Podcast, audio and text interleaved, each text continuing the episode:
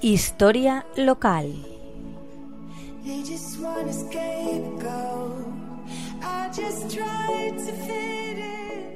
Buenas tardes, amigos de la Tegua Radio. Hoy, día 6 de diciembre, hace 43 años que se aprobó la actual Constitución española. Vamos a recordar hoy aquí este acontecimiento que supone tener la norma suprema del ordenamiento jurídico de España que entró en vigor el 29 de diciembre al ser publicada en el BOE. Por eso, cada 6 de diciembre se conmemora en las Cortes Generales el día en que el pueblo español votó sí en el referéndum a la pregunta ¿Aprueba el proyecto de la Constitución?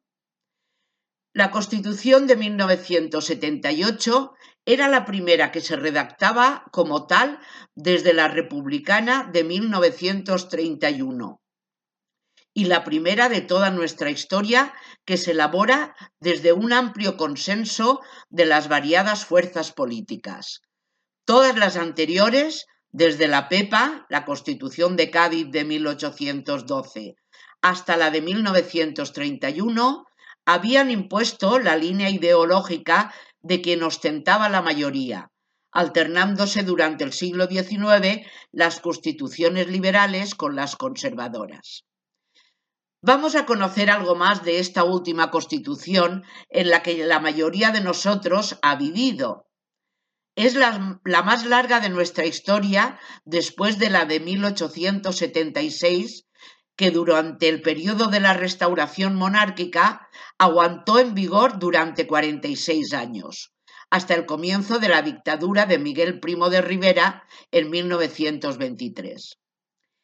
Además es el fruto de la transición política española, un periodo excepcional que nos condujo de la dictadura a una democracia parlamentaria parecida a las europeas del entorno. El 15 de junio de 1977 se celebran las primeras elecciones desde la Segunda República. Un mes después se reúne por primera vez la Comisión de Asuntos Constitucionales y Libertades Públicas, de la que saldrán los siete ponentes encargados de elaborar el primer anteproyecto.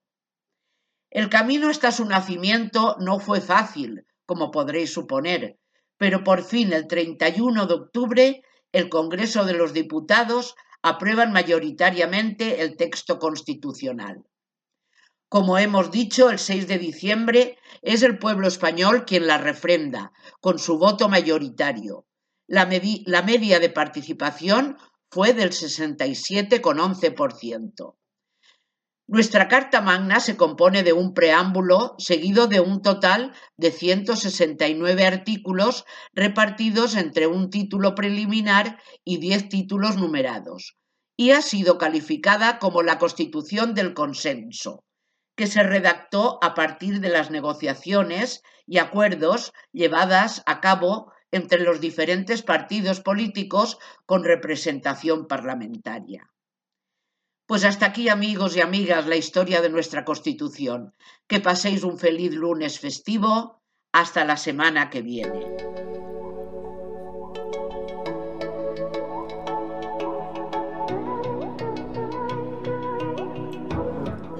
Historia local. I just